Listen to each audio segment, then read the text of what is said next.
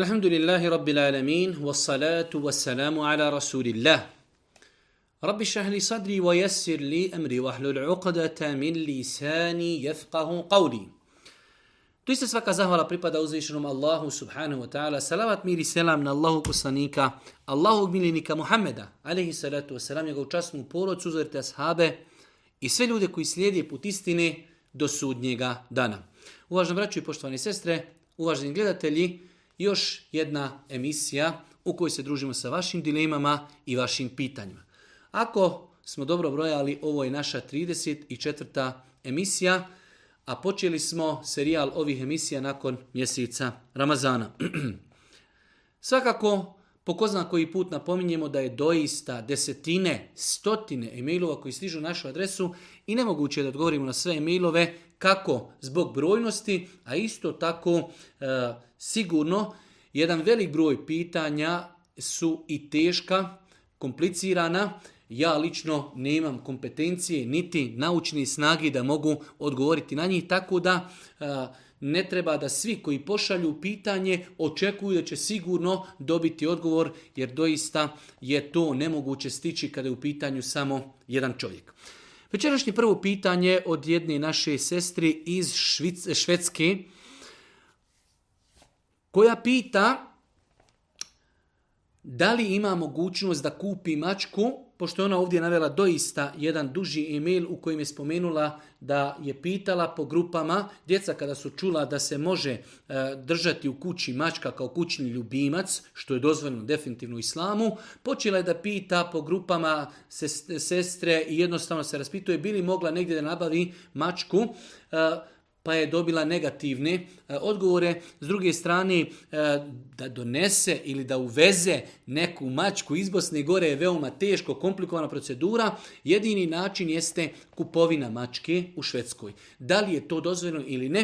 E, velik broj učenjaka u takvim situacijama dozvolio je da se kupi mačka. Postoje argumenti, odnosno hadisi u kojima Allah poslanik ali se letu zabranjuje kupoprodaju ko, znači mački, ali velik broj učenjaka nije smatrao da je taj propis na stepenu harama, pogotovo u ovakvoj nekoj situaciji u kojoj čovjek želio bi da nabavi sebi mačku, ali jednostavno ne postoji način osim da je kupi, tako da se duboko nadamo da inšala u takvoj situaciji, ako insan želi da ima kućnog ljubimca, mačku ne može da nađe besplatno nigdje, ako bi kupio mačku da ako Bog da nije griješan.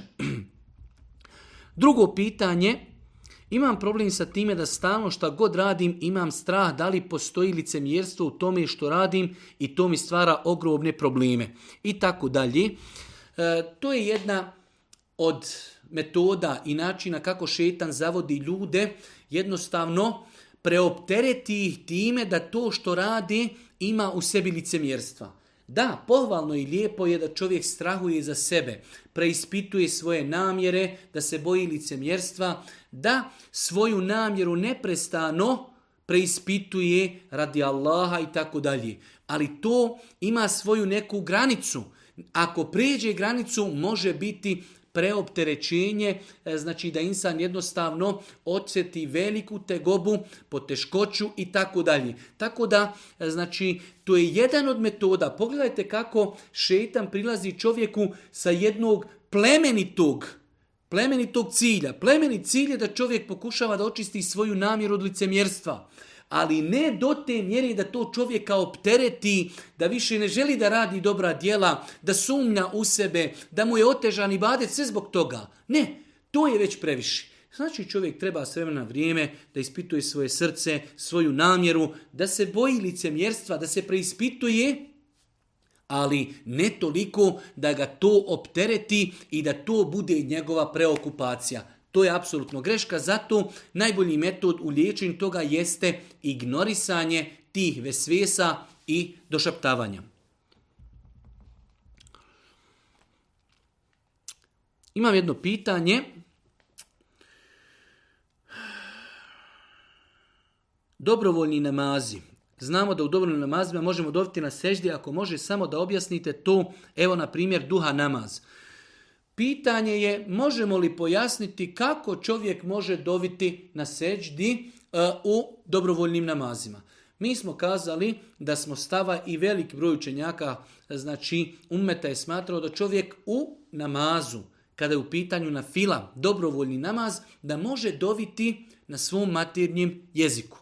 Pa će čovjek kada odi, klanja duha namaz, na prvom je rekiatu, otišao je na seždu, izgovorio je zikr, subhana rabijel e'ala, subhana rabijel e'ala, subhana rabijel e'ala, ako nakon toga prouči još neku dovu subbuhun kudusun rabbul melaiketi var ruhi ili neku drugu dovu, nakon toga čovjek svojim riječima može kazati gospodaru oprosti mi grijehe, gospodaru povećaj mi na faku, učvrsti me na putu istine, molim te da mi podariš džennet, sačuvaj me džehennema i tako dalje. Znači, na seždi, nakon što prouči zikrove koji su propisani, nema smetnje da svojim riječima zamoli uzvišnog Allah s.w.t. za svoje dunjalučke i ahiretske potrebe. Da li je žena griješna ko pri porodu ili ginekološkom pregledu ne traži ženskog doktora jer trenutno nije dostupan u smjeni? prilikom poroda i ginekološkog pregleda. E, u svakom slučaju mi smo nekoliko puta govorili e, da se insan treba potruti kada je u pitanju žena, muslimanka, pokrivena i nepokrivena žena, ipak ginekološki pregled iziskuje znači otkrivanje avreta, stidnog dijela tijela. Žena treba da se maksimalno potrudi da ginekološki pregled ili porod bude od strane ženske osobi. Jer je na nižem stepenu e, e, da žena gleda ženi u avret nego da to čini muškarac. E sada, nije po meni isti propis porod i ginekološki pregled. Ginekološki pregled ako nije baš urgentan, ok, tražimo e, sljedeće sedmice, sljedeći termin, kada ima žena, ako nema u jednoj bolnici idemo u drugu i tako dalje. Tako da treba se insan potruditi. Za razliku od poroda.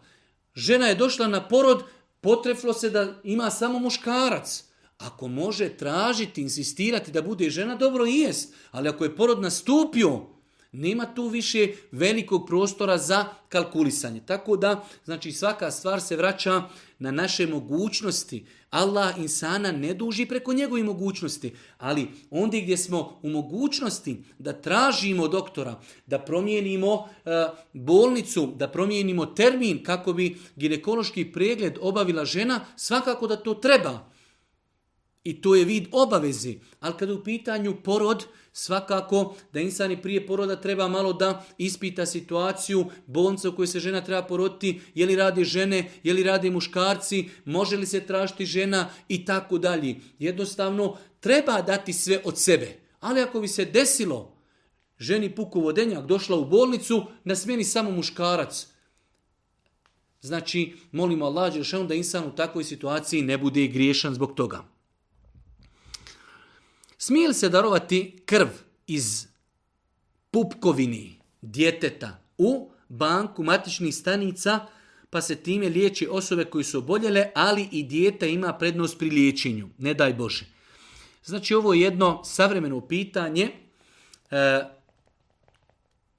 matične stanice da li se mogu darivati kako bi se e, nakon toga, nakon toga e, koristile prilikom liječenja e, samog djeteta, a i drugih, a i drugih osoba. U svakom slučaju islamski učenjaci su e, još prije nekih 20 ili 15 godina su analizirali ovo pitanje i dozvolili su takav postupak, svakako uz određene uvjete koji su više nekako kao generalni uvjeti, a to je da to bude u saglasnost roditelja, da u tome nema šteta za dijete, e, Isto tako, e, maksimalno su mnogi učenjaci potencirali da ne dođe do zloupotrebi. Znači, e, postoje situacije gdje ljudi vrše abortuse samo kako bi e, od tih e, znači e, dijelova tijela fetusa koji je abortiran kako bi ga iskoristili i uzimali te matične ćelije tako da je to strogo zabranjeno da se uradi abortus i da se uništi jedan život samo kako bi se uzele te ćelije to je strogo haram i strogo zabranjeno islamu ali ako se to radi, znači dijete se rodilo zdravo, živo, normalno, u saglasnost njegovih roditelja, ako to neće biti zloupotrebljeno, ako to uzimanje neće prouzrokovati nikakvu štetu, uz Allahu pomoć nadamo se da je takva stvar ispravna i dopuštena i kao što sam rekao najveće pravne institucije e, znači prije 15 godina pa i više analizirali su ta pitanja i dozvolili su da se e, to koristi prilikom liječenja ali evo pod ovim uvjetima koji smo spomenuli.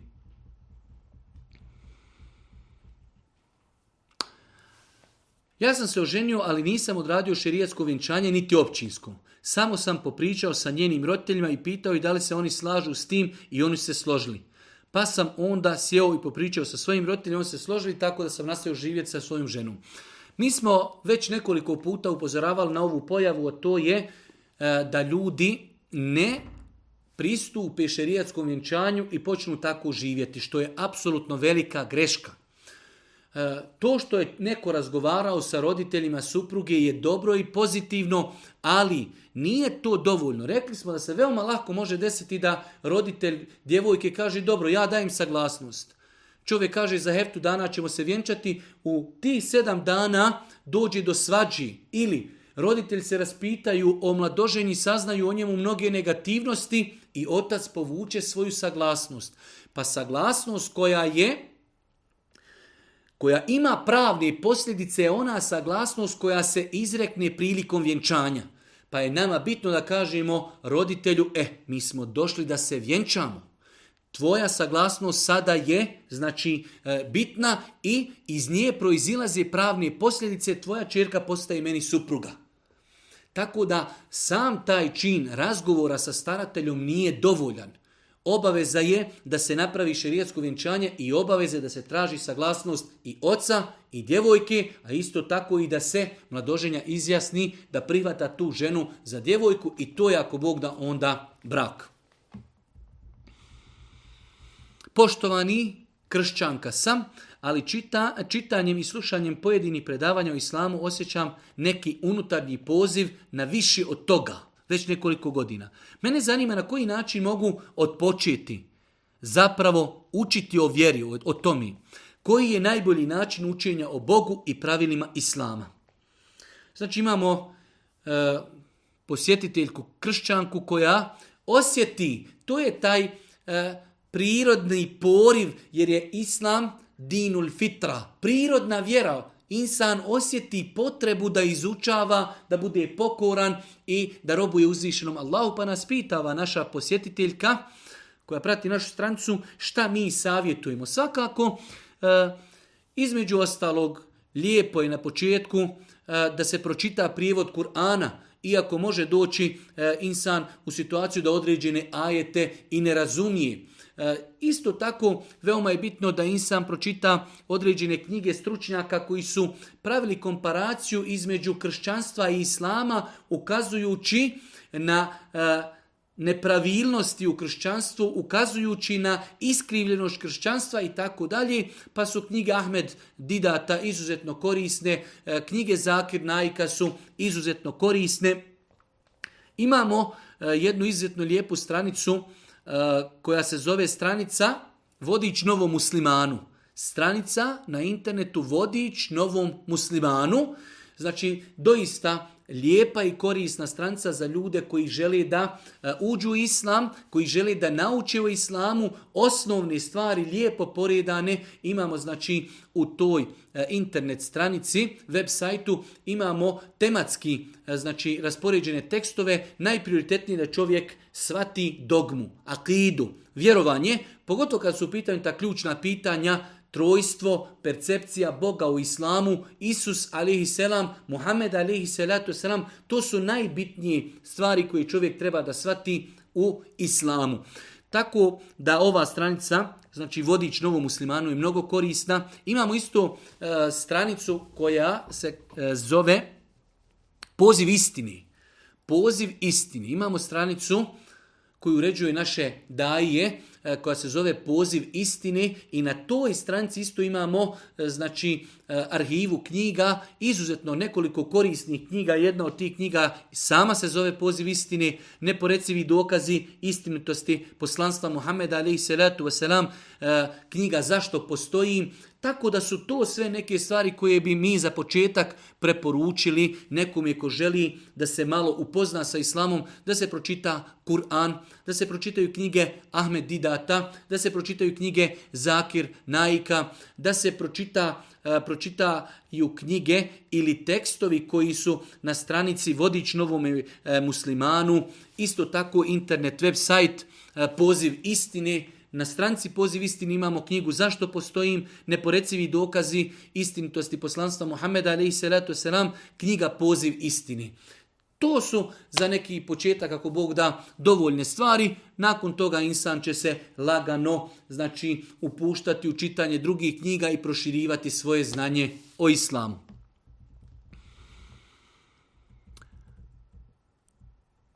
Želim prvo od srca da vam se zahvalim za svaki video, za svaki savjet. Hvala vam. Allah da vas nagradi. Moje pitanje je da li je dozvoljeno da dijete upišemo na časove violini?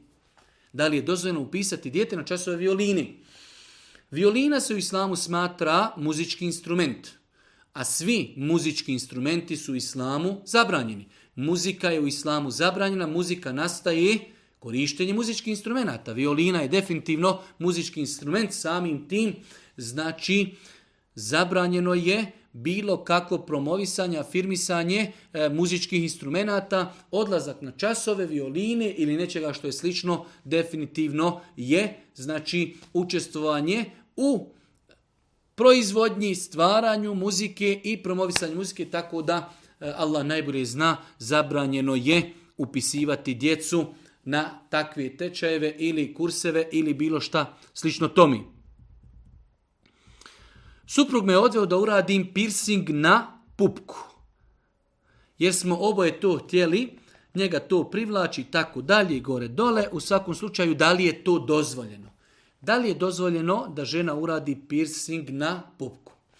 U pogledu to pitanje, islamski učenjaci savremenog doba imaju različite stavove. Dio učenjaka je smatrao da je to dozvoljeno pod nekoliko uvjeta.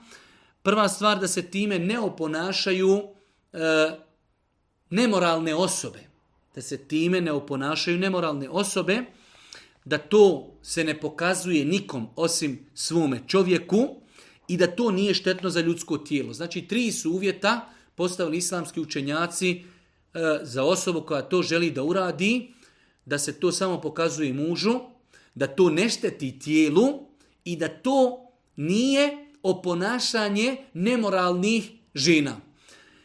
Moramo biti otvoreni, bio je dio učenjaka koji je kazao e, da ljudsko tijelo ima svoju svetost, ima svoj hurnet i bilo koje rezanje ili poduzimanje bilo kakvih hiruških zahvata na tijelu, ako zatim nema potrebe je zabranjeno. Ne možemo mi rezati svoje tijelo, osim ako zatim postoji opravdana potreba. Tako da je dio učenjaka smatrao da takav postupak je zabranjen.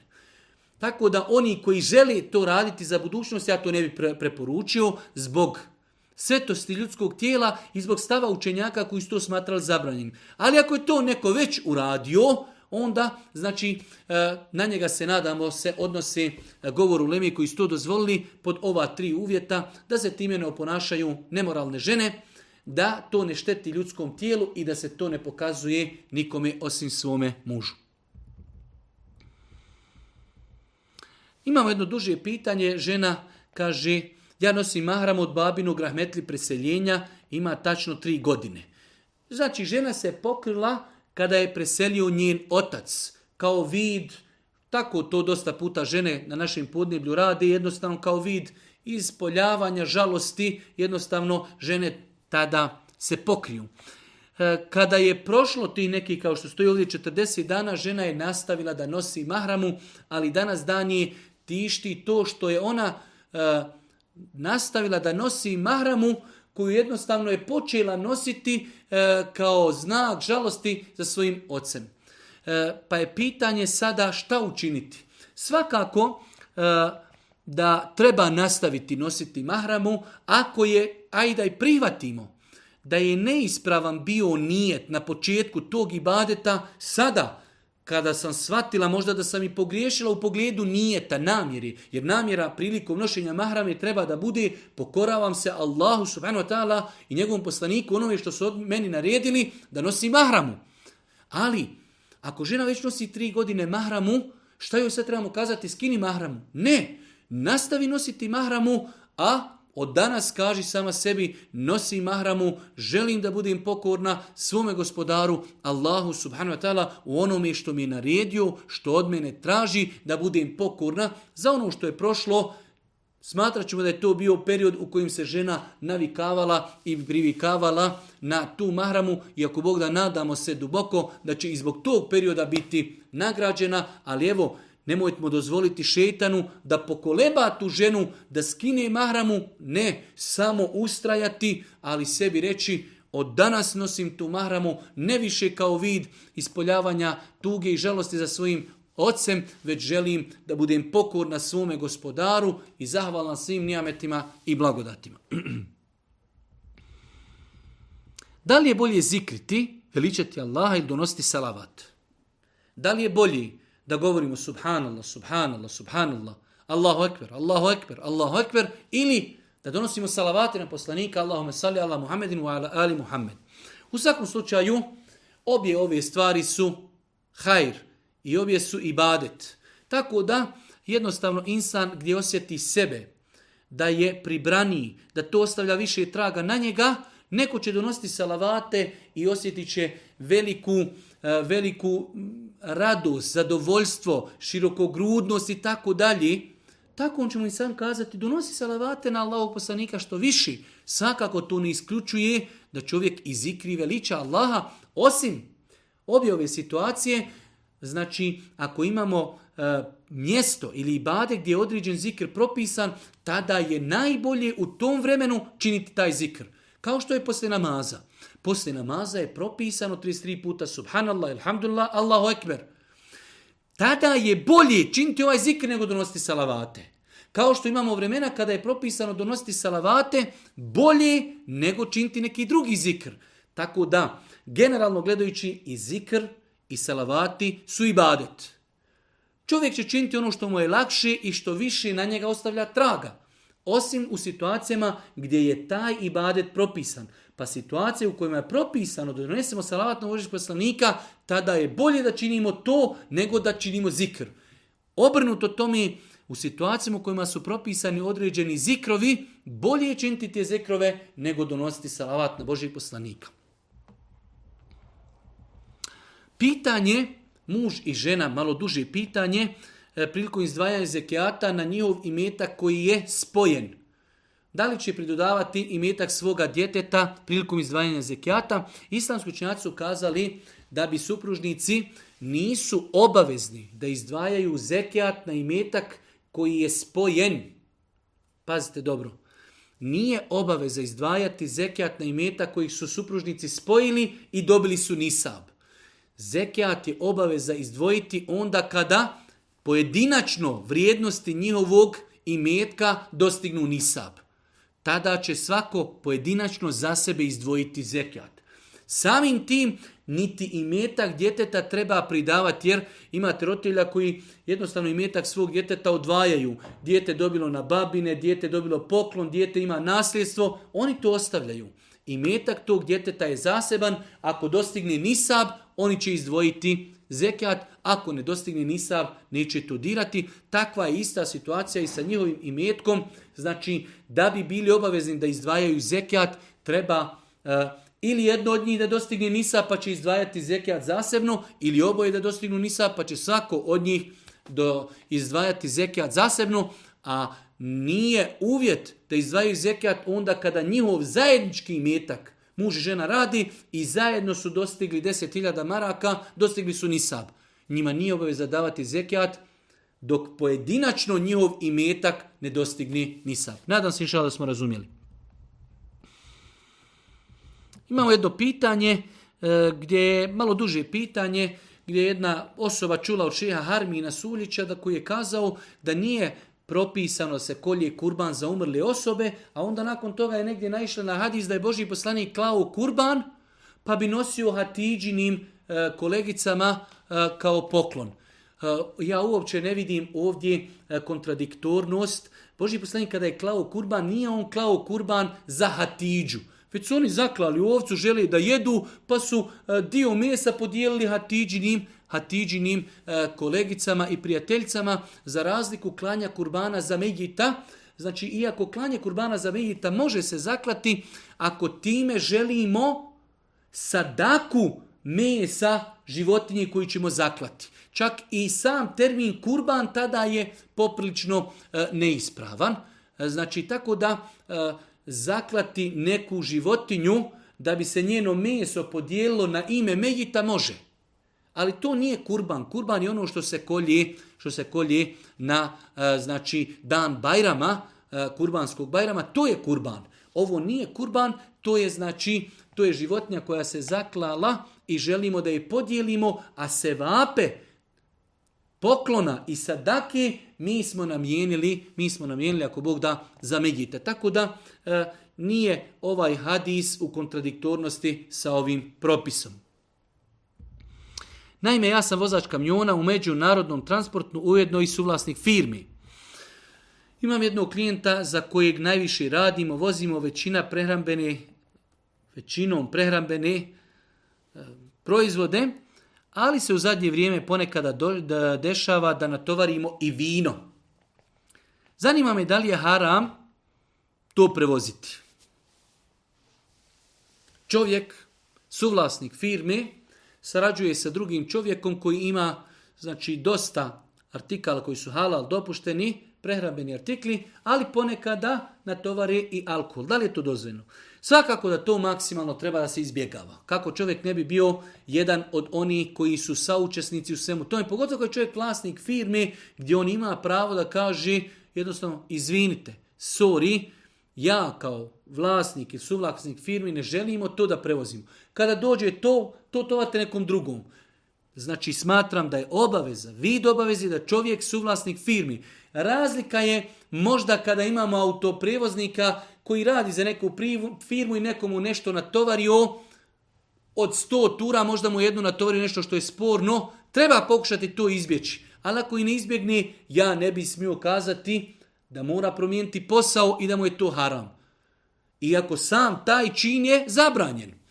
Ali ako se u pitanju suvlasnik firme, smatram da oni trebaju svojim kooperantima, ljudima s kojima sarađuju da kažu izvinite, ako imate te i te artikle, nemojte molim vas da ih mi prevozimo, mi tu iz vjerskih razloga ne radimo i tako dalje. Tako da smatram u ovakvoj situaciji kad u pitanju suvlasnik firmi da trebaju jasno da daju do znanja svojim svojim e, saradnicima s kojima sarađuju da ne žele da prevoze stvari koji su zabranjene islamom. Radimo u osiguravajućoj kući, ali ne u direktnoj prodaji osiguranja, već u odjelu nabavki logistike, koja se bavi distribucijom materijala, promocijom letaka, reklamama, materijali koji promovišu osiguranje i tako dalje. Da li je dozvoljeno to raditi?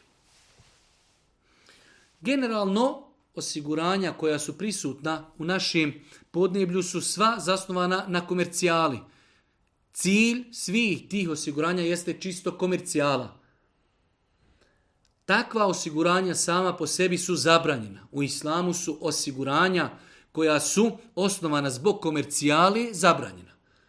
Jer ili će oni zakinuti tebe, uzeli su od tebe novac kojim ti nešto osiguravaš, pa se ništa nije desilo, pa su uzeli od tebe novac bez ikakve nadoknadi, ili si ti uplatio 5.000 osiguranja, pa si naplatio 25.000, opet bez ikakvog validnog razloga si naplatio više nego što si uložio.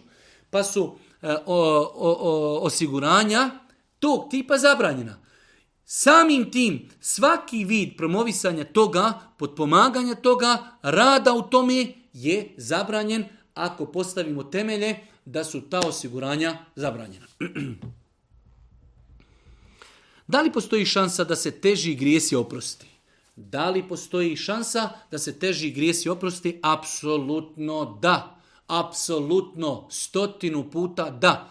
Širk, kufr, nevjerstvo je najveći grijeh pa Tala je dopustio ljudima da se pokaju od kufra, od nevjerstva i da postanu muslimani. Pa šta mislite onda kako je Allah dopustio mnogo prioritetnije da je dopustio ljudima koji su radili velike grijehe, da li se tu misli, ne znam, pod alkohol, pod drogu, pod krađu, pod eh, kamatu, eh, kladionice, sve su to veliki grijesi. Za svaki taj grije se čovjek može pokajati. Ovo nije poziv grijesima, ovo je poziv da li se može čovjek od teških grijeha opro, onaj, pokajati, ima li mogućnosti oprosta? Ima. Bitno je da se pokajemo, da ostavimo taj grijeh, da odlučimo čvrsto da to više nećemo činiti i da se pokajemo u srcu zbog onoga što smo činili. Da li pravim grešku tokom namaza? Klanjam sunnete pa farze, pa proučim ajetul kursi, pa tek onda klanjam ostale sunnete i vitr namaz. Da li pravimo grešku? Ne. Tako treba uraditi. Čovjek klanja sunnete, klanja farze, nakon farza zikri, prouči ajetul kursiju, prouči po 33 puta subhanallah, ilhamdulillah, Allahu ekber, nakon toga klanja sunnete, znači koji dolazi nakon farza.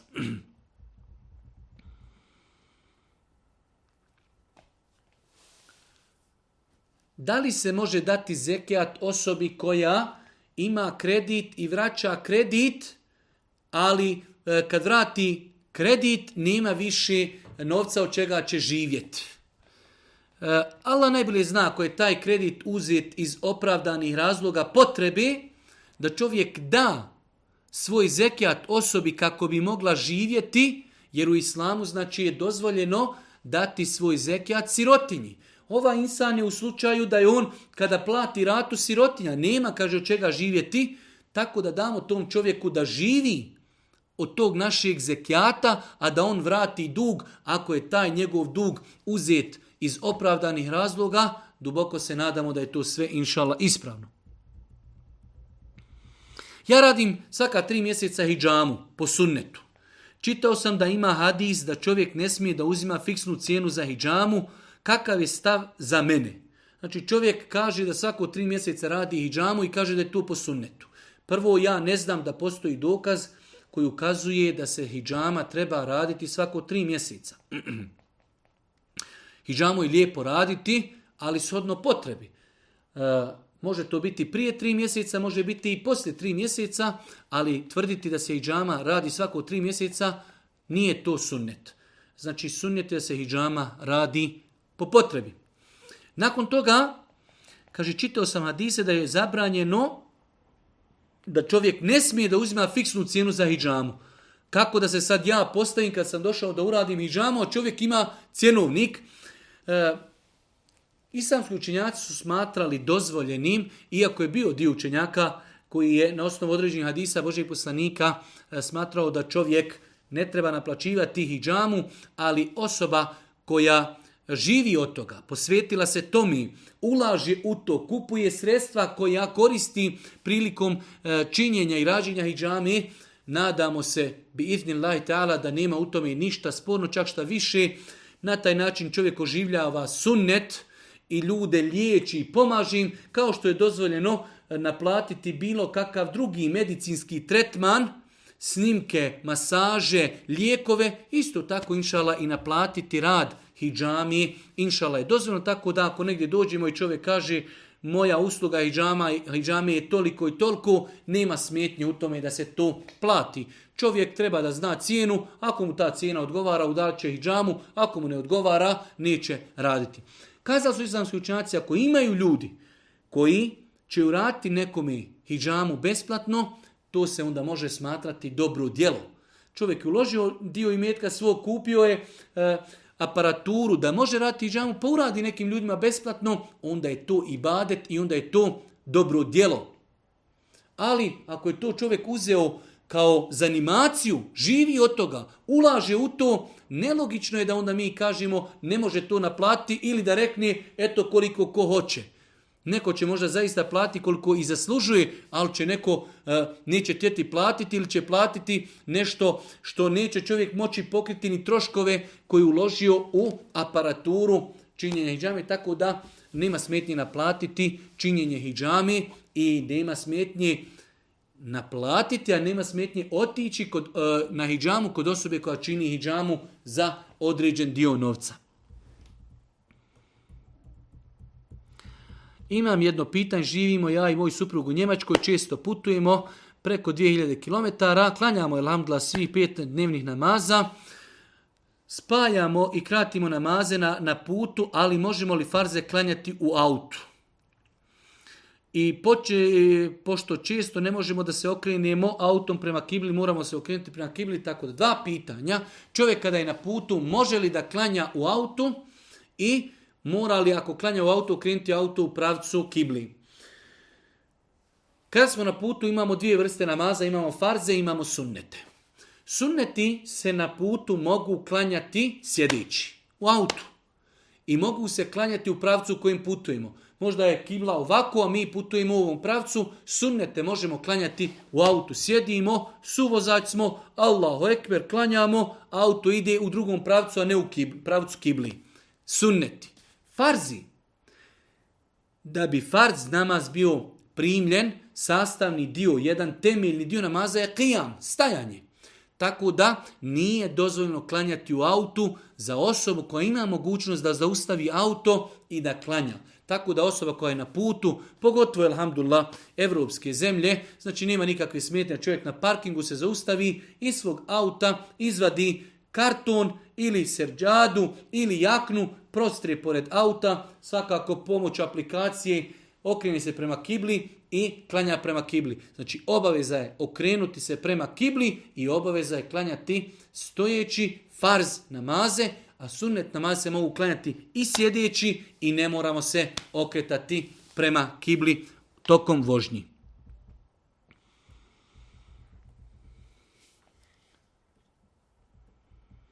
Jedan brat napisao malo duži e-mail gdje je nas spomenuo da je se vratio vjeri, počeo je redovno klanjati, ali nakon što je počeo redovno klanjati, počinje osjećati određene e, simptome sihra i tako dalje što je nekada malo i umišljenost, ali nekada i stvarnost.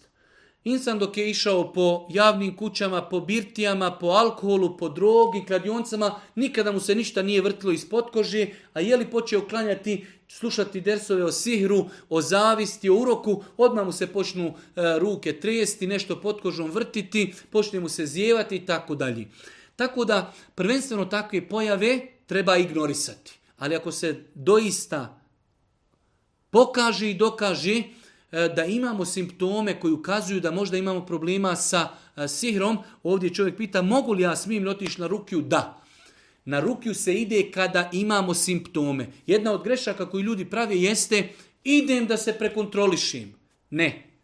Ne može se ići kontrolisati na ruke ako nemaš nikakvih simptoma. Ali ako imamo simptome, ne možemo učiti, ne možemo učiti Kur'an. Ako nam se prekomjerno zjeva, ako imamo neke druge simptome koji ukazuju e, na postojanje sihra, tada ćemo otići kod nekoga ko liječi rukom. Inšala, u tome nema ništa sporno.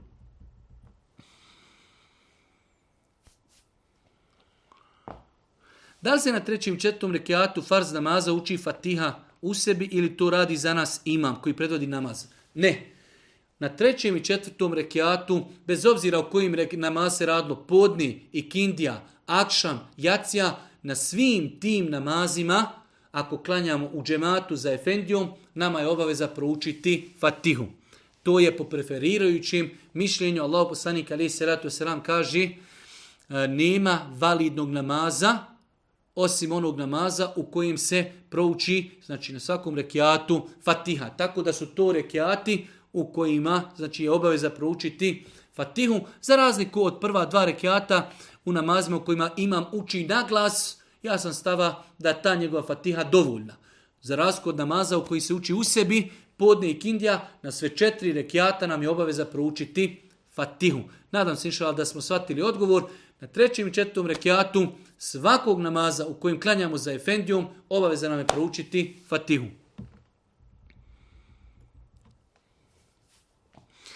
E, čovjek je naveo situaciju, vodili smo parnicu u vezi naše majke, neko je izbio oko, nakon toga su e, naplatili oštetu, ali uz tu oštetu su dobili određeni e, novac kamati. Šta urati sa kamatama? Mi smo nekoliko puta govorili da kada čovjek tako prisilno dobije kamatu, nije tražio, e, ima nekoliko opcija, ali jedina ispravna opcija je da uzme te, taj novac i da podijeli ili bijedi, ili da da u neke svrhe kao što je izgradnja puta ili nešto slično tome, ali znači može to podijeliti bijedi ili dati u neki hajr projekat trajnu sadaku, tako da nema smetnje u tome sve mimo toga ostaviti banci je neispravno, uništiti taj imetak je neispravno, uzeti ga sebi je neispravno. Tako da jedina opcija jeste taj novac dati ili bijedi ili dati u neki hajli projekat.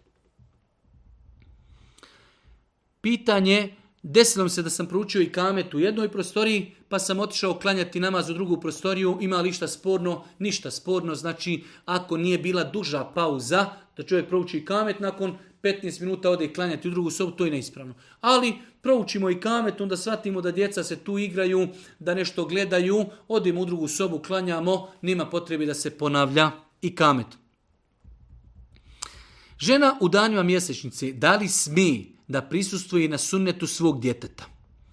Nema nikakve smetnji, e, organizira se sunnet u većini slučajeva, koliko je meni poznato, se organizuje kod kući. To što je žena u mjesečnici nema nikakve veze da ona prisustvuje A ako bi se čak šta od to čina i manifestacije organiziralo u džami, mi smo rekli već nekoliko puta, da nema smetnje da žena koja je u mjesečnici, ako ima potrebu, a u ovom slučaju ima potreba, ako bi trebala da uđe u džamiju zbog vjenčanja, zbog predavanja, zbog sufari, da ode u džamiju, prije toga se lijepo i sigurno zaštiti higijenskim uloškom, znači, inšallah, u tome nema ništa sporno. Isto, zanima me da li žena koja u hajzu može obaviti šerijetsko vjenčanje, ako ima potrebu da žena prisustvuje šerijetskom vjenčanju u džamiji, a ona u periodu mjesečnice, ona će prisustvovati, samo je bitno da se znači prija ulaska u džamiju zaštiti lijepo higijenskim uloškom kako ne daj Bože ne bi došlo do toga da krv onečisti džamiju. Selam. Kvari li vaginalni vjetrovi abdest? Nekom je to čudno pitanje, nama inače voli prigovoriti da odgovaramo i na čudna pitanja, ali mi smo ponosni na to da ljudi vjeruju, imaju povjerenje prema nama i postavljaju nam pitanja iz svog svakodnevnog života. Možda neko i nije čuo da postaje e, vaginalni vjetrovi, ali mezhebi još sve četiri mezheba prije 1200 godina u svim knjigama fika ćemo naći da su tretirali pitanje da li vaginalni vjetrovi kvari abdest. Dva mezheba su kazala da kvari, a dva mezheba su kazala da ne kvari. Tako da, e, generalno bolje je držati se mišljenja da to kvari abdest, jer je došlo u hadisku kojeg bilježi ima muslim, da je Allah poslanik kazao La e illa min sautin eurih. Ne treba uzimati abdest osim od, znači, e, situacije kada čovjek čuje svojim ušima da je pustio vjetar ili kaže eurih ili se desi puštanje vjetra. Pa nije rečeno e, na koji prirodni otvor vjetar iziđe, već je rečeno općenito eurije ili od vjetra, pa taj vjetar obuhvata i vaginalni vjetar, tako da moj stav je da je svakako prioritetniji i bolje da osoba koja ima i desi se, znači pod abdestom je, desi se vaginalno, znači eh, vaginalni vjetar, da bolje da obnovi svoj abdest.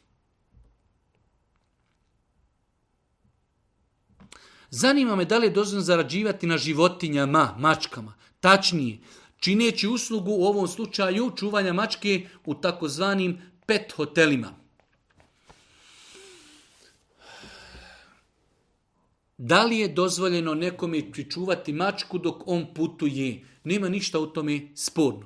Znači, neko je organizirao u svojoj nekoj kući ili napravio posebnu, posebnu prostoriju u kojoj ljudima nudi uslugu, dok su oni na putu da ne bi morali sa nositi svoju mačku ili svoga kanarinca ili svoje ribice, on im nudi uslugu da će on brinuti o njihovim kućnim ljubimcima, dok se oni vrate, je li to dozvoljeno? Ako Bog da, nema ništa sporno, osim Rekli smo zabranjeno u islamu da kućni ljubimac bude pas, samim tim ne možemo mi nekoga indirektno potpomagati i mi čuvati njegovog psa dok on boravi na putu. Ali ako se radi o e, kućnim ubincima koji islam dozvoljava da držimo, da li su to ribice, da li je to papagaj, da li je to ptičica, da li je to kanarinac, da li je to mačka, dozvoljeno čovjeku da nudi ljudima usluge, znači njima je to potrebno, to je halal posao, on se brini o njihovim ribicama, daje im hranu, on se brini o njihovom kanarincu, on se brini o njihovoj maci, dok se oni vrati, on to njemu plati,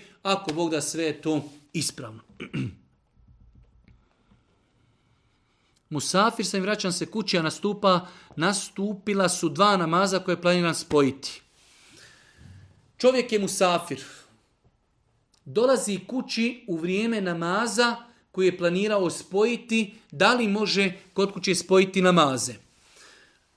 Ako se radi o drugom namazu koji se spaja, konkretno, čovjek je bio na putu i nije klanjao podne zato što je mu safir.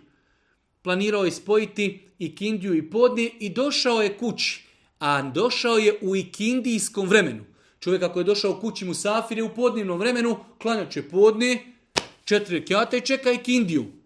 Ali ako je došao kući u ikindijsko vrijeme, a nije klanjao podni, jer je bio musafir, imao je priri, imao je pravo da odgodi namaz, tada će kod kuće samo spojiti namaze. Klanja podni četiri i kindiju četiri. Spojio je namaze, ne može ih kratiti. Tako isto sa akšamom i acijom. Ako čovjek putuje, nije klanjao akšam, ha, ha, ha, nije imao gdje da klanja i došao do kući. Ali je nastupila jacija tada mu kažemo klanjaj prvo akšam tri rekiata, nakon toga klanjaj jaciju, nećeš krati namaze, a možeš ispojiti. spojiti. Ali ako bi došao u akšamskom vremenu, klanjaj akšam tri rekiata, nakon toga čekaj nastupanje jacije i klanjaj jaciju.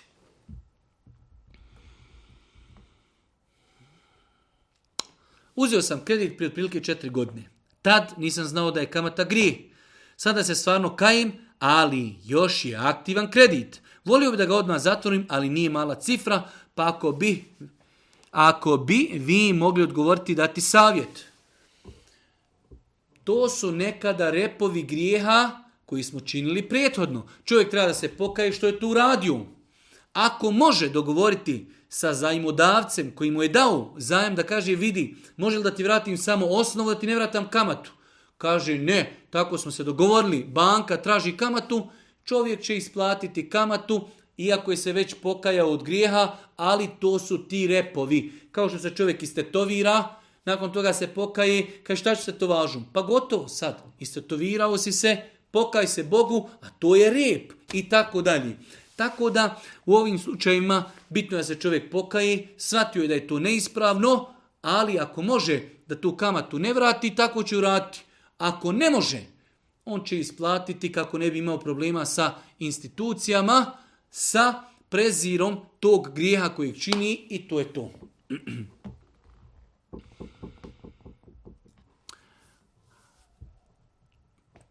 Zanima me koliki je grijeh što moj otac sa svima drugima razgovara, smije se, veselje, a u kući neće nikoga da uputi nikome neće uputi lijepu riječ, a kamoli da razgovara i tako dalje. Neprestano gleda u mobitel, televiziju i tako dalje. Sad da kažemo koliki je to grijeh, ne možemo reći možda da je to grijeh, ali je definitivno neispravan postupak ako insan može biti lijep sa ljudima na ulici, nasmijati se, biti kulturan, vedar, nasmijan, Trebao bi to raditi sa članovima svoje poruci, čak šta viši. Članovi njegove poruci su prioritetniji da tako prema njima se obhodi. Znači, tako da reći da je to grijeh, teško je reći da je grijeh, ali da kažemo da ne doliči, da je neispravno e, i da treba čovjek da se lijepo povodi prema članovima svoje poruci, apsolutno treba. Moje pitanje se odnosi na astrologiju i islamu. Znam da nije dozvoljeno vjerovati u horoskop, kao ni čitanje, ni posjeta astrolozima, ni slično. Ali negdje sam davno čula da islam ima stav da svi smo mi povezani sa našom zvijezdom i da u stvari imamo znakove u horoskopu po osobinama. Na primjer, ja sam vodolija. Osobnost tog znaka su da stalno bježi od svega nepoznatog i tako dalje i tako dalje. Da li je dozvoljeno vjerovati u to? Kažemo, nije dozvoljeno vjerovati u horoskop, niti ići i nakon toga mi to samo kažemo, ali su ljudi vezani za zvijezde i ljudi imaju zajedničke osobine. Kakve su to zajedničke osobine? To su osobine koje njima objedinjuju njihove zvijezde. Nikakve logike i nikakve vezi. Zvijezde nemaju nikakvog uticaja na nas vodolije bježe od svega što im je nepoznato. I kaže ja to osjetim pri sebi. Pa to smo mi umislili da mi bježimo od svega što nam je nepoznato zato što smo mi vodolija u, u horoskopu. Vraćamo se i kažemo zvijezde nemaju nikakav uticaj na čovjeka i njegovu sudbinu. Ako bi čovjek vjerovao u to može počiniti širk. Allah subhanahu wa ta'ala je taj koji stvorio zemlju i nebesa i ništa se na zemlji ne može desiti bez njegovog odobrenja. Zvijezde su Allahova stvorenja, nemaju nikakav uticaj na čovjeka i njegovu sudbinu. Nikakav uticaj. Horoskop je čista laž. Haram je kupiti horoskop. Haram je zabrajno čitati horoskop. Haram je strogo zabrajno vjerovati u laž koju smo kupili u horoskopu koji je haram. To je tu. Da li sam lažov ako, na primjer, kažem nekome da ne mogu nešto urati, pa kasnije kažem da mogu? Nije čovjek lažo ako je to uradio iskreno. Nekad se dešti neko nas pozove i kaže možeš li to? Ne mogu. Zaista ne mogu. Ali nakon toga mi se poredaju stvari u životu, kažem mogu. Da li sam time lažov? Ne. U prvom slučaju sam rekao ne mogu zato što su mi vrijeme, prostor, situacija, obaveze nalagale da ne mogu. I rekao sam iskreno da ne mogu. A nakon toga sam rekao mogu jer su stvari otišle u nekom pravcu drugačije od onoga što sam ja očekivao. Tako da ne vidim u tome ako Bog da nikakav problem. Imam jedno pitanje oko, u, oko vejpa. Piše tako vejpa u zagradi e, na engleskom. To se u stvari puši. Imaš sa nikotinom bez nikotina. Ja bi sebi uzeo bez nikotina. Zove se messing vape. Tako nešto piše. Pa kako ja znam u ovom vejpu bez nikotina nema ništa štetno. Pitanje je, postoji tamo neki vape, da li se taj vape može konzumirati jer u njemu nema nikotina? Islamski učenjaci jesu, kada govori o elektronskim cigarama, kazali da ako te elektronske cigare ne, ne nose po čovjeka nikakvu štetu, da one mogu biti dozvoljene. Osnova je znači one cigare elektronske koje su sa nikotinom da su zabranjene. E sada imamo elektronske cigare koje su bez nikotina. Da li njih čovjek može konzumirati? Allah najbolje zna, ne treba to činiti. Čitao sam istraživanja koja kažu, bez obzira što u njima nema nikotina, one su štetne. One su štetne. Ali imamo drugi moment, kako ćemo mi znati kada vidimo tamo nekog hađiju da koristi tu elektronsku cigaru, da li je ona s nikotinom ili ne? Pa smo mi u tom momentu e, sebe stavili u nezgodnu situaciju da ljudi o nama imaju loše mišljenje. Tako da s dva aspekta to ne treba činiti. Iz razloga što naučno dokazano da i te elektronske cigare koje su bez nikotina štete čovjeku i njegovom zdravlju, a iz druge strane to ne treba činiti iz razloga što ljudi oko nas ne znaju da li mi konzumiramo elektronske cigare sa nikotinom ili bez nikotina. Da li salavat na namazu prije selama sunnet ili vađib? Znači, kada čovjek klanja u namazu na zadnjem sjedinju, uči je tehijatu, nakon toga uči salavate, nakon toga uči dovu i predaje selam. To učenje salavata da li je obaveza ili ne. Velik broj učenjaka je smatrao da učenje salavata na zadnjem sjedinju je obaveza. Ja lično sam stava da je to pohvalan čin, a ne obaveza i taj stav je preferirao Šehu Temi Rahmetullahi Alihi u svojim knjigama, tako da E, pohvalno i lijepo je proučiti salavat nakon e, učenja etehijatu u namazu, ali ne smatram da je obaveza ili da je rukn e, obavezni dio znači namaza.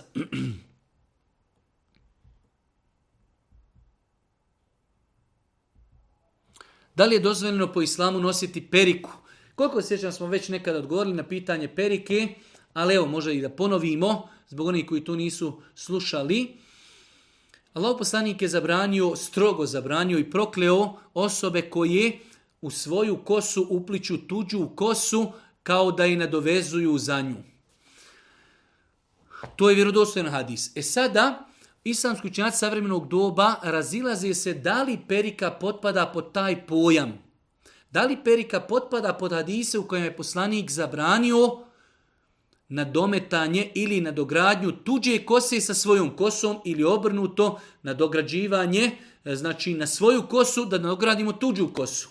Pa je dio učenjaka smatrao da je i perika postiže isti efekat kao što i postiže nadogradnja kosi. Dok su drugi učenjaci kazali ne, poslanik je zabranio nadogradnju kosi, a nije zabranio da nosimo nešto drugo u vidu periki. Ja lično smatram da je prioritetnije da se perika ne nosi jer je u pitanju opasna stvar, u pitanju je prokljestvo. Osim u jednoj situaciji koju je izuzeo šehu Temi Rahmetullah Eliju koju kaže ako se radi o ženi koji ima potrebu. Primjer radi imate žene koje imaju kemoterapiju i opala im je kosa. Znači jednostavno čelave su, nemaju kose. U tom nekom periodu ili eventualno žena znači opane joj kosa iz nekih drugih zdravstvenih razloga pa da koristi periku kako bi prekrila tu svoju mahanu. Jer se radi o mahani, nadamo se inša da ona u tom slučaju ne bila griješna, ali žena koja ima normalnu kosu, lijepu kosu, ali eto želi malo da promijeni nekad periku, nekad svoju kosu, mislim da u takvoj situaciji definitivno to ne treba činiti. Da li je grijeh ženi muslimak da se uda za čovjeka koji radi u kafani kao pjevač? Da li je grijeh? Žena nema sa tim njegovim pjevanjem ništa. Ali svakako da bi trebala sa njim razgovarati, jer će on sutra donositi novac koji je zaradio na haram način. Žena će morati taj novac e, koristiti, kupovati hranu e, i tako dalje, tako da e, trebalo bi razgovarati i upozoriti tog čovjeka da to što radi u islamu zabranjeno, pjevati uz muziku, ako se misli pjevanje u kafani, je uz muziku. Ne znam da postoji pjevač koji u kafani pjeva bez muzike. Pjevanje u kafani uz muziku je zabranjeno. Tako da e, brak je nešto drugo, ali isto tako e, veoma je bitno da e, u braku postoji harmonija, da neko od supružnika ne stiče na faku koju će oni konzumirati na haram način.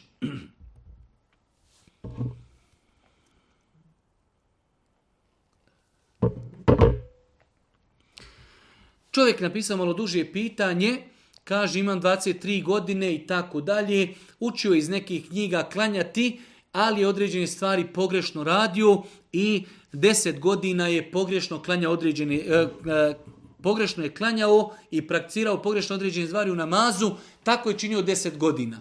Šta je činiti? E, ništa.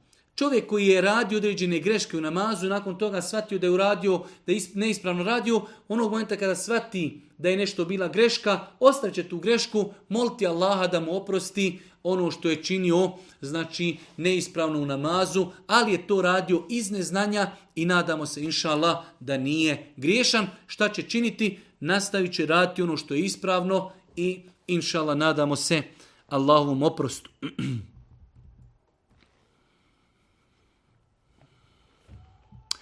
Vaša predavanja su mi jako pomogla i počela sam redovno obavljati namaz. Međutim, kada obavljam namaz imam veliki problem prilikom sjedinja. Ne mogu desnu nogu da savijem i okrenem nožne i prste prema kibli, a pritom da sjedim na lijevoj nozi. Stvaraju mi se veliki, jaki bolovi, nepodnošljivi, u zglobovima i rušim se u stranu. Savjet. Sjedinje, ovako kako je opisala ova naša sestra, da čovjek sjedni na lijevu stopalo, a desno stopalo da podavije prste, okrene prema kibli i tako da sjedi. To je sunneti lijepo. Ako osoba ne može tako sjediti, sjedit će kako može. Znači, način sjedinja u namazu, zapamtite, je sunnet. Što znači? Kada bi insan sjedio, ono što naš nared kaže, turski, ispravno je. Da sjedi i pruži noge, preda se.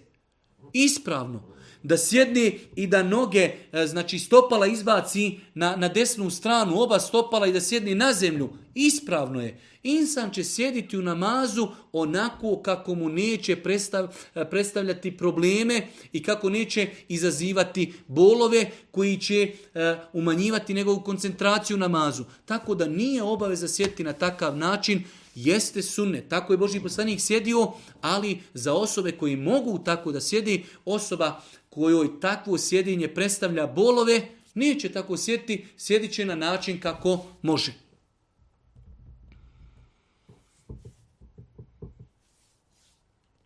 Muško sam i redovno obavljam islamske dužnosti, ali osjećam privlačnost prema muškarcima, smijem li stupiti s njima u intimni odnos?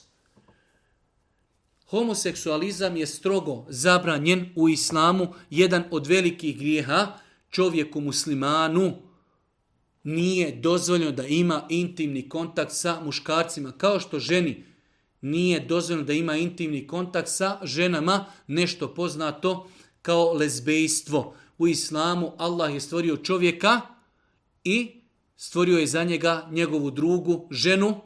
Čovjek jedino može svoje seksualne potrebe zadovoljavati sa svojom suprugom na način kontakt muškarca i ženi. Muškarcima međusobno je strogo u islamu zabranjeno da imaju intimne kontakte, to se u islamu zove, odnosno to se u narodu zove homoseksualizam, ali je to u islamu jedan od najvećih grijeha. Isto tako, isti propis je i za intimni kontakt žena, nešto što se zove lezbejstvo. Jedina stvar koja je dozvoljena jeste znači intimni kontakt između muškarca i žene koji su svakako u braku. Da li je dozvoljeno donirati kosu za izradu perika djeci oboljenoj od karcinoma? Islamski učenjaci u pogledu tog pitanja imaju doista jaka razilaženja, tako da ja još nisam došao na nivo da mogu odabrati jedno od ta dva mišljenja. Jedni su to dopustili, a jedni su to zabranili. Tako da definitivno da postoji jako razilaženje kod učenjaka, e, nivo znanja kojeg ja posjedujem nije toliki da mogu izvagati koje mišljenje od ova dva mišljenja je jači, da li je dozvoljeno donirati svoju kosu koju smo odsjekli, da se od toga napravi perika koju će neko koristiti, koju će neko koristiti kako bi prekrio svoju deformaciju, a to je znači e, opadnuta kosa.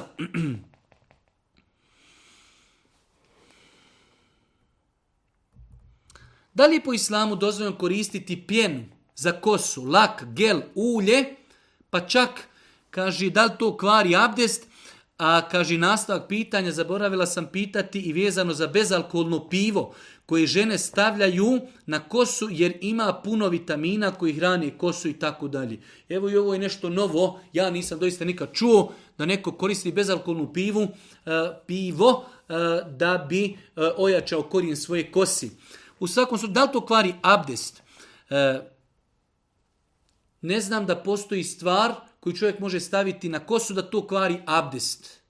Pa čak ta stvar bila i nečista. Znači čovjek ako uzme abdest, to ne kvari abdest. E sada, ako je to nečisto, ne može klanjati dok to ne očisti. S druge strane, ako bi nešto koristili na kosu, što spriječava dolazak E, vodi do kose prilikom narednog uzimanja abdesta, to može biti sporno. Ali mi imamo abdest i stavili smo neku pjenu ili gel ili ne znam šta ovdje još stoji, e, gel ili lak ili pjenu ili ulje, te stvari nemaju nikakve veze sa našim abdestom. Tako da, kada uzmemo abdest i stavimo neko ulje na kosu, naš abdest je validan, stavimo, imamo abdest, ili stavili smo bezalkoholno pivo na našu kosu, ništa to ne kvari abdest. Ako bi koristili nešto što sprečava dolazak vodi do naše kosi u narednom potiranju, onda to trebamo otklonuti kako bi mogli uzeti abdest. Da li mogu platiti nekoga da obavi umru nekome za moga umrlog oca? Ja lično nisam još obavila umru. E, propis bedela, da neko obavi za nekoga umru, je propi, kao propis odlaska bedel hađ. Da bi neko otišao da za nekoga obavi umru, treba da je on prije toga obavio umru. Tako da znači nema smetnje da osoba nekome plati da ode na umru, da obavi umru za njegovog nekog mejita, majku ili oca, može se platiti, ali samo osobi koja je već jednom bila na umri. Isti je propis i za hađ. Ne može neko ići za nekoga na hađ, a on još nije obavio hađ. Znači, imamo jasne hadise Božeg poslanika uh, od ashaba šubrumi koji je spomenut u tom hadisu, da je Boži poslanik spomenuo da se ne može ići na hađ ako se nije obavio hađ za sebe. Tako isti propis za umru, znači mi možemo poslati na umru nekoga ko će pobaviti umru za našeg oca ili za našu majku, ali on mora prijethodno da je obavio umru za sebe. Svakako, prilikom obavljanja umri, on će prilikom oblačenja i hrama i obavljanja umri nijetiti umru za osobu za koju su ga poslali da obavi umru.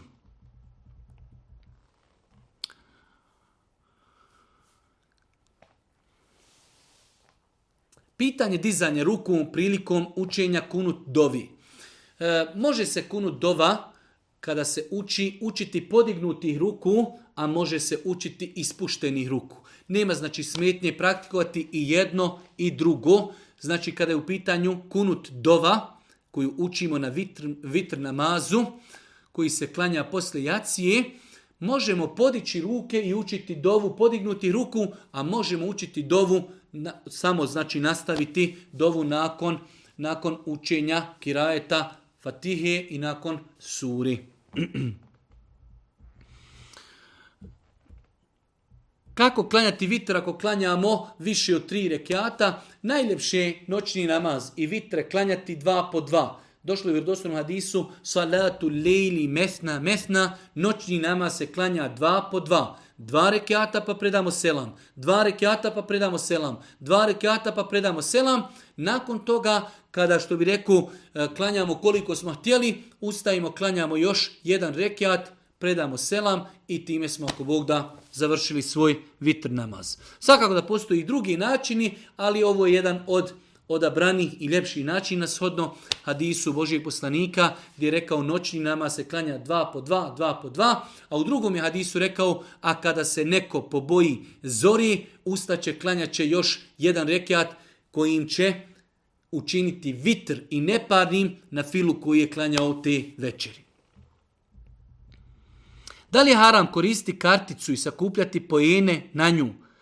Primjer, kupujemo u apoteci i prilikom svake kupovine provlačim njihovu karticu gdje skupljam poene i kada skupim e, dobijene poene prilikom sljedeće kupovine mogu da umanjim svoj iznos za 1 euro primjera radi. Nema inšala, inšala, nema niš kakve smetnji da čovjek koristi karticu od određene supermarketa ili od određene apoteke i kada god kupuje određene stvari, da karticu gdje oni njemu ukucavaju poene te poene mu poslije preračunaju u novac i odbiju od sume koju on trebao da plati. Inšala nema u tome ništa sporno. E, nema u tome, ako Bog da, ništa sporno, e, jer jednostavno e, proizvođač ili vlasnik supermarketa se obavezao na takvu stvar. E sada, znači, insan treba, što je normalno, da tu kupuje ono što mu je potrebno, a ne da kupuje kako bi dobivao poene. To je, to je jedna bitna stvar.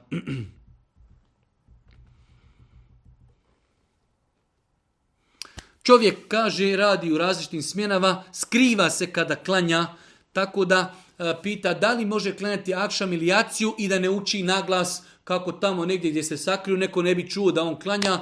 Nema ništa sporno da čovjek kada klanja akšam i jaciju, pogotovo ako ima razlog, da ne uči na glas kako ga neko ne bi pronašao ili čuo.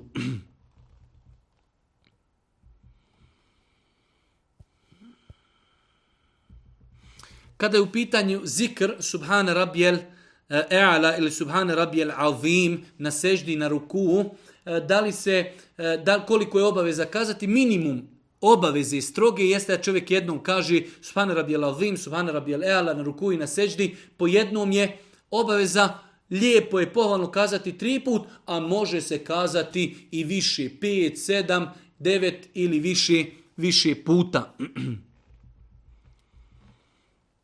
Da li dova može da produži život? Da li dova može da produži život? Mi smo spominjali hadise u kojima Božji poslanik za određena dijela kaže ko bude čuvao rodbinsku vezu, Allah će mu svanova povećati na faku i produšiti život. Pa Svi sam slučenjaci kazali da se to odnosi na godišnji kader. To je taj uvjetni kader. Uzvišen Allah je našu sudbinu zapisao u leuhe i mahfuzu i tu se ništa ne mijenja. Ali godišnji kader, imamo uvjetni kader, u kojem stoji ako moj rob bude čuvao rodbinske veze, živjet će toliko. Ako ne bude, živjet će toliko. Šta god da mi odaberimo, to je zapisano u Leuhi Mahfuzu, ali smo imali opciju. Tako i sa dovom. Čovjek može dovom produžiti svoj život, ali to što je produžilo, to je zapisano u Leuhi Mahfuzu u kojoj se ništa ne mijenjam. Da li je dozvoljeno islamu da muškarac izvrši operaciju kosi, odnosno prilikom opadanja i čelavosti da ode na operaciju? E, nadamo se, inšala, da nema ništa sporno u tome, jer su islamski učinjaci kazali da presađivanje kose nije ništa drugo do povratak čovjeka u njegovo neko, ajde da kažemo, prvobitno stanje ili otklanjanje neke mahani i nedostatka od čovjeka, opadnuta kosa u datom momentu se smatra e, znači e, mahanom, tako da presađivanje kose u islamu su islamski učenjaci savremenog doba, otkako su te operacije e, izmišljene i pokrenute, smatrali su to, ako Bog da dozvolim, i zadnje naše pitanje. Imam pitanje u vezi sa dužinu izgled kose kod muškaraca u islamu. Da li je poznat izgled kose kod poslanika? I kako bi musliman trebali da nosi kosu? Dva pitanja. Imaju li hadis koji govori o kosi, dužini kose Božijeg poslanika i kako bi musliman trebao da izgleda?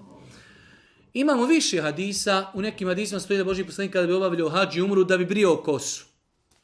Imamo hadise u kojima stoji da je Božiji poslanik nekada imao kosu i poslanik kao poslanik je živio 23 godine. Pa bi nekad poslanik puštao kosu do ispod uha, a iznad ramena. A nekada bi puštao duže kosu do te mjere da bi e, znači nosio pletenice koje bi uplitao, znači svoju kosu bi spleo u pletence. Svakako da bi neko spleo u kosu u pletence treba da njegova kosa bude malo i duža. Tako da to su na disku i potvrđuju da je Boži poslanik nekada imao obrijanu glavu, nekada bi imao dužu kosu, toliko duže od uha, ali ne do ramena, a nekada da bi bila kosa i duža, do te mjeri da bi mu bila kosa spletena u pletenice. Kazali su islamski učenjaci da ta dužina kose Božijeg poslanika jednostavno je nešto što je bio običaj njegovog vremena, njegovog podneblja u kojem je živio njegovog naroda. Pa su kazali islamski učenjaci da čovjek, njegova dužina kose treba da bude onakva kako nose kosu ljudi u vremenu u kojem on živi. Pa ako u jednom narodu je normalna i lijepa pojava da ljudi imaju muškarci malo dužu kosu, čovjek će tako i nositi. Ako se duga kosa u jednom podnjeblju smatra odlika e, pokvarenjaka, e, odlika nemoralnih osoba, tada musliman to neće raditi. Tako da, znači ako isan i insan ima dužu kosu, treba da zna da to ne postoje hadisi u kojima poslanik naređuje puštanje kose i neće zbog toga biti nagrađen. Kazao su islamski učinjaci, znači čovjek ako pusti dužu kosu, to nije postupak ibadeta zbog kojeg će on biti nagrađen. Ali ako je pusti, onda je treba održavati i treba da to bude u granicama običaja naroda u kojem živi.